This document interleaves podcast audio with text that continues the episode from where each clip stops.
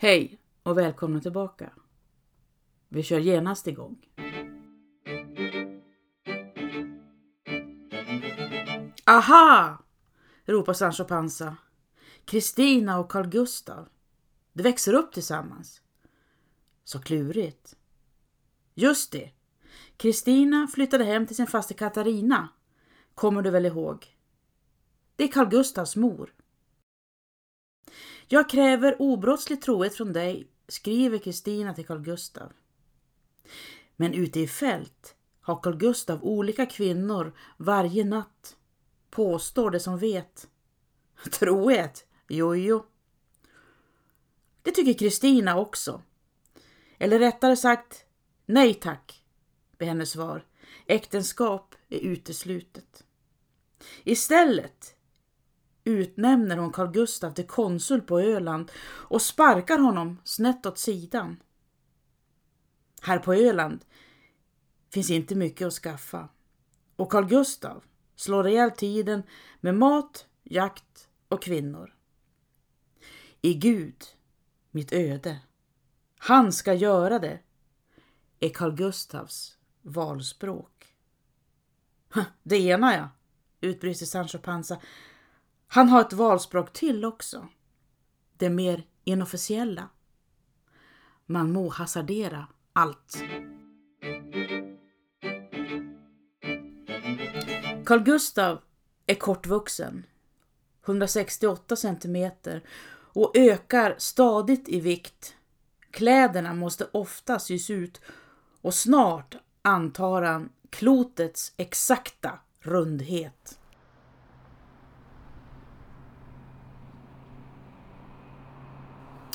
Don Quixote och Sancho Panza sitter i bilen på väg från Byxelkrok mot Ottenby. Det är så varmt ute att till och med solen flämtar. Sancho Panza fnissar till. Titta! Det måste vara Carl Gustav som rider där borta, ropar han. Den flygande köttbullen tar ett språng över muren som han själv har beordrat om. Don Quixote gör en skarp sväng med bilen så den glider ut på gräsmattan och börjar hacka. Säg aldrig så, rasar han. Det är fritt fram att driva med runda människor. Andra lyten och egenskaper respekteras, men inte rundhet. Så sluta upp med det där, omedelbart. Annars lämnar jag det här ute på steppen. Sancho Panza tittar tillbaka med tvivlande ögon. Men ursäkta då, svarar han. Det var värst att vara finkänslig idag. Tror du att Carl Gustav hade brytt sig? Don Quixote skakar på huvudet. Nej, nej, nej. Han tillhör den privilegierade skaran som struntar i vad andra tycker och vet sitt värde ändå.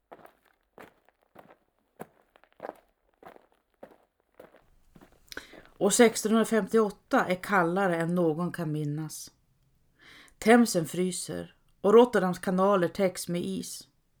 Skörden slår fel, människor svälter och fryser och soldaterna vittnar om att brödet måste delas med kniv och grillas i små stycken över elden. Till och med vinet blir till is. Ja, hela havet har lagt sig som en tjock kompakt isspegel så varken krigsskepp eller lastfartyg tar sig fram. Sverige ligger i krig som vanligt mot Polen och Ryssland men nu också mot Danmark. Ett försvagat Sverige erövrade Jylland för några månader sedan och där står den svenska armén just nu och tittar ut över isen. Och vår kanonkula hoppar upp och ner på stranden. Sancho. Ursäkta, jag kunde inte låta bli. Danmark har gått i anfall mot svenska mål och Karl X Gustav måste omedelbart ta sig till Köpenhamn. Men manskapet är fångad i vintern och kan omöjligt korsa havet, förutom till fots. Carl Gustav skickar ut sina spanare som mäter isdjupet. Det är 500 meter över till ön Fyn och mätningsresultaten är glädjande. Isen håller. Morgonen den 30 januari står trupperna uppradade och väntar på klarsignal. Först går kavalleriet, sedan infanteriet och trossen. Nästan framme på Fyn spricker en del av istäcket upp och två skvadroner ramlar i och drunknar. Danskarna tror knappt sina ögon när svenskarna reser sig ur havet. Hårda strider bryter ut, men snart kontrollerar svenskarna hela Fyn. Carl Gustaf står läger i Odense. Vädret slår om till en märklig orkanliknande storm med tö. Trupperna har förflyttat sig över Fyn till Nyborg och nu återstår den fortsatta marschen över isen till Langeland. En tre gånger så lång sträcka och betydligt mer riskfylld. Generalerna avråder, men Karl X Gustav fattar efter en sömlös natt med stor vånda beslutet att fortsätta marschen trots allt.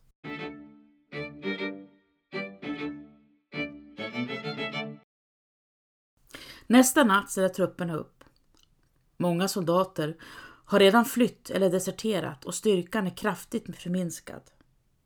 Den franska ambassadören George Terlon sitter bredvid Karl X Gustav i släden över isen och skriver senare hem till kardinal Mazarin i Paris.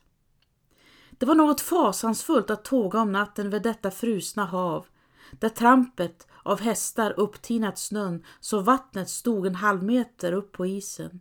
Och man såg vida av havet på båda sidor, men där svenskarna gick låg isen mellan öarna. Morgonen efter är soldaterna framme i Rudköping på Langeland och vid middagstid når man Nackskov. Sedan är det bara några dygn kvar till Köpenhamn och Karl X Gustav hälsar Danmarks kung Fredrik III. Nu ska vi talas vid på riktig svenska. Men längre än till Köpenhamns stadsmur kommer inte svenskarna. De lyckas inte ta sig igenom.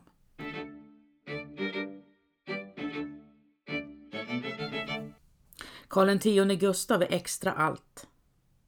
När han sitter i släden, invirad i sin päls bredvid den säkert vettskrämde George Terlon, stiger spänningen inom honom själv. Just det här, att marschera över isen, galet och halsstarrigt, har ingen monark försökt sig på före honom. Isen knakar och krackelerar och havsvattnet forsar över isen och slädarnas medar. Jag slår vad om att den tillfredsställelsen är större än rädslan för havet som bråkar under honom, säger Don Quixote. George Delon håller med och är mäkta förundrad. Det är inget tvivel om att han gör det som är möjligt. Han försummar aldrig att utnyttja ett övertag. Vad? utbrister Sancho Panza. Jag förstår inte. Ja, men allt utmanande, svarade Don Quixote. Han kan inte låta bli.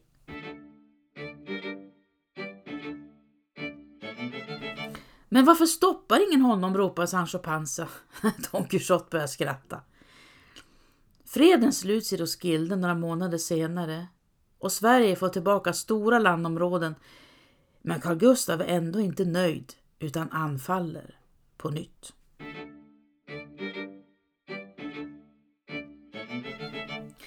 Carl Gustaf tycker om flickor. Kvinnoaffärerna är många och om vi väljer att vara vulgära kan vi fråga oss hur han lyckades få till det med ett midjemått på över två meter. Fem utomäktenskapliga barn känner vi till. Men det finns säkert betydligt fler. Bonden Thomas i byn Stöcke utanför Umeå, som inte alls känner Karl X Gustav, gör fyra pigor och en soldathustru med barn inom loppet av tre år. Både Thomas och kvinnorna straffas, han med prygel och böter och straffsatsen ökar vid varje brott. Det behöver inte Carl Gustav oroa sig för. Han gör som han behagar. Men det är inte rättvist, protesterar Sancho Panza. Nej, Sancho, utbrister Don Quixote. Det vet du väl att rättvisa är ett högst töjbart begrepp.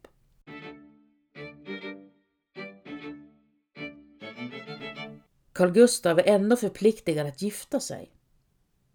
När Kristina besöker Holstein Gottorp efter abdikationen lägger hon fram förslaget om ett äktenskap mellan en dotter av Holstein Gottorp och den svenske kungen.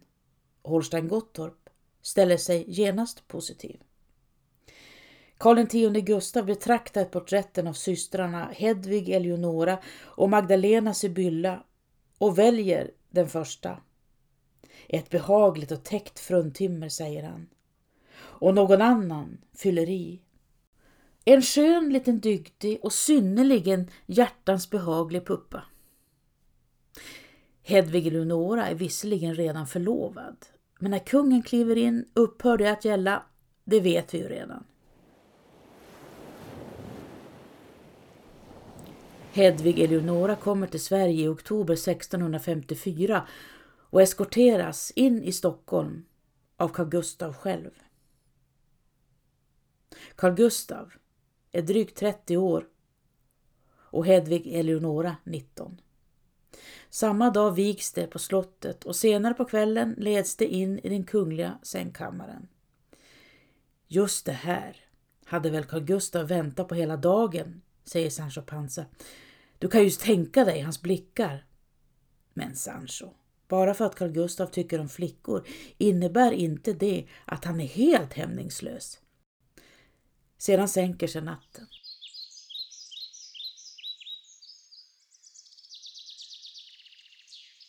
Hos Kerstin och Nils vid Skuleskogen är det natt. Barnen snusar i sina drömmar. Lilla Sara försvann nyss ner i en hisnande virvel och skrattade i flera ögonblick innan hon tystnade igen. Nils ligger med ryggen mot henne och snarkar. Det går väl an, men när han prompt ska lägga sig med huvudet nära hennes och snarkar rakt in i örat brukar Kerstin flytta på sig så att det ligger skavfötters. Anna rör sig oroligt under bolstret. Hon kanske också är vaken men inte ett ljud från Christian. Man skulle kunna tro att han ligger lik inne i sängskåpet. Det är nästan lättare att sova när Christian vänder och vrider på sig i bädden. När han lever om vet man var han finns. Inte som nu när det är knäpptyst. Anna, viskar Kerstin.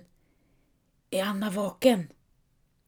Ja, kommer det efter en stund som en flämtning bakom sängförhängena. Hur är det med Christian? frågar Kerstin. Sover han? Ja, flämtar Anna. Är Anna säker på det? Andas han? Ja, svarar Anna. Inte väcka honom bara. Kerstin drar ett djupt andetag. Det var dumt av henne. Hon sneglar mot Nils rygg. Han sover lugnt vidare. Nils tillhör den lyckliga skaran som genast somnar när han lägger sig och inte vaknar förrän det är morgon. Kerstin glider in i en dröm. Nils kommer över gårdsplanen med vävstolen hängande på axeln. Vad är det där? skrattar Christian och sluter upp bakom Nils. Mors vävstol, svarar Nils. Jag tänkte att Anna skulle ha den. Christian börjar skratta. Anna! skriker han. Hon kan inte väva. Christians gap är enormt och han skriker av skratt. Anna! Kerstin slår upp ögonen. Nils är borta. Hon ligger ensam kvar i sängen. Anna! vrålar Christian. Anna! Kerstin drar undan förhängena. Christian ligger på golvet, ser hon, och Nils står böjd över honom och håller fast hans händer. Det räcker nu pojke! morrar Nils. Anna har satt sig gränsle vid Kristen och trycker ner hans huvud mot golvplankorna. Hon tittar upp, vädjande mot Kerstin. Han vaknade, säger Anna. Men, får Kerstin ur sig. Är han sjuk? Nils fnyser, hör hon. Och Anna stirrar på henne igen. Svärmor vet ju, säger hon. Flaskan. Då blir det så här. Kerstin tystnar. Jo, visst vet hon det. Men precis som Christian har glömt allt dagen efter glömmer hon bort hur illa det är med honom mellan varven. Han får ligga så, säger Anna. Det låter så hårt. Ska vi inte lyfta upp honom i sängen, protesterar Kerstin och tittar på Nils, men han har redan släppt taget om Christians händer och är på väg ner i sängen igen. Nej, svarar Nils. Christian får vakna där. Kom nu så lägger vi oss. Nils snarkar igen, tungt och som vanligt. Det små gråter inne hos Anna och hon nynnar tyst för dem. Ska inte far också ligga i sängen? frågar Annika. Nej, far sover på golvet i natt, svarar Anna. Och vet ni varför han gör det, barn? Gråten från de små upphör i samma stund. Jo, fortsätter Anna. Far har druckit av en dryck som kallas starkt. Som han har fått av den gamla trollgubben ni vet. Det är en förtrollad dryck barn. Och den som dricker måste sova på golvet den natten annars kan han förvandlas till ett skåp. Kerstin ler. Anna och hennes sagor, tänker hon. Det lever vidare. När alla rösterna tystnat smyger Kerstin upp ur bädden och trycker in en kudde under Kristians huvud. Det kan inte hjälpas. Hon förmår inte låta bli. Kristian sover på golvet. Han rullar över på sidan och sover fortfarande när solen flödar in i stugan och Anna kokat gröt.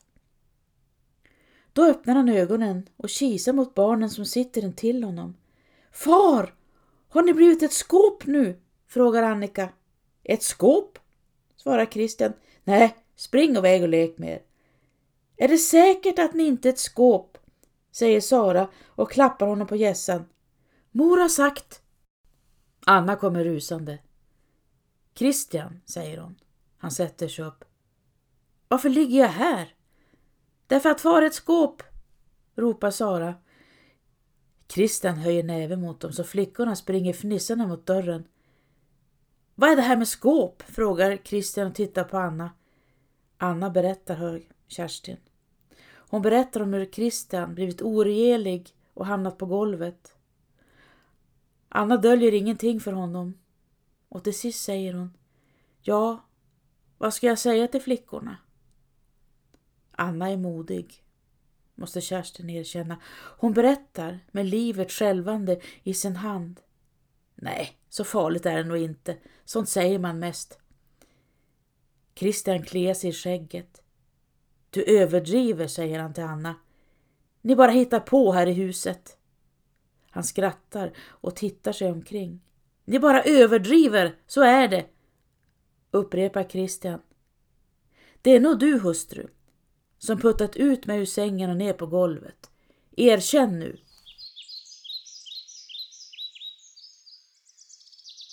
Karl X Gustav brinner för tre personer. Krig, kvinnor och mat. En måltid kan bestå av 25 olika rätter. Av fisk, hummer, fågel, hjort, skinka, kalv, pajer, glass och till det vin. Massor av vin. Carl Gustav äter snabbt och drabbas av gasbildning. Magen håller honom vaken om nätterna och han tvingas vanka av och an inne i sovgemaket för att lätta på trycket.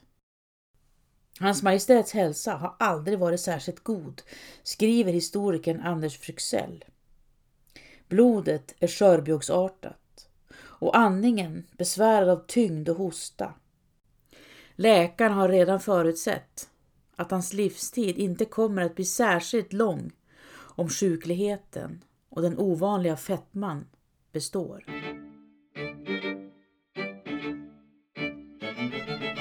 På julafton 1659 kommer Carl Gustaf till Göteborg för att öppna riksmötet efter nyår.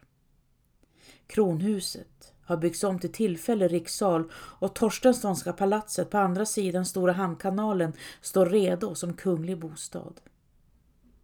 Carl Gustavs drottning, Hedvig Eleonora, kommer till Göteborg tillsammans med deras fyraåriga son Karl, som Carl Gustav aldrig träffat tidigare. Carl Gustav öppnar riksmötet den 4 januari. Men några dagar senare blir han förkyld.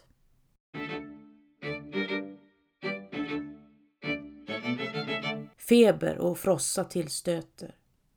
Kroppen känns trött och Carl Gustav är törstig och det trycker över bröstet. Ändå fortsätter han att arbeta i en hektisk takt. Han hyser stor tilltro till sin egen förmåga och är ständigt igång, meddelar doktor Johan Kröster. Carl Gustav börjar hicka och drabbas av svimningsanfall. Lunginflammation tillstöter och andningsbesvären ökar. Carl Gustav kan inte ligga ner utan man måste hålla i honom upprätt så att han kan dra i sig luft. Och i två dygn sitter han i en länstol, orolig och plågad. Hedvig Eleonora sluter upp vid hans sida. Inte långt därefter dör han. Karl X Gustav avlider klockan halv två på morgonen den 13 februari 1660.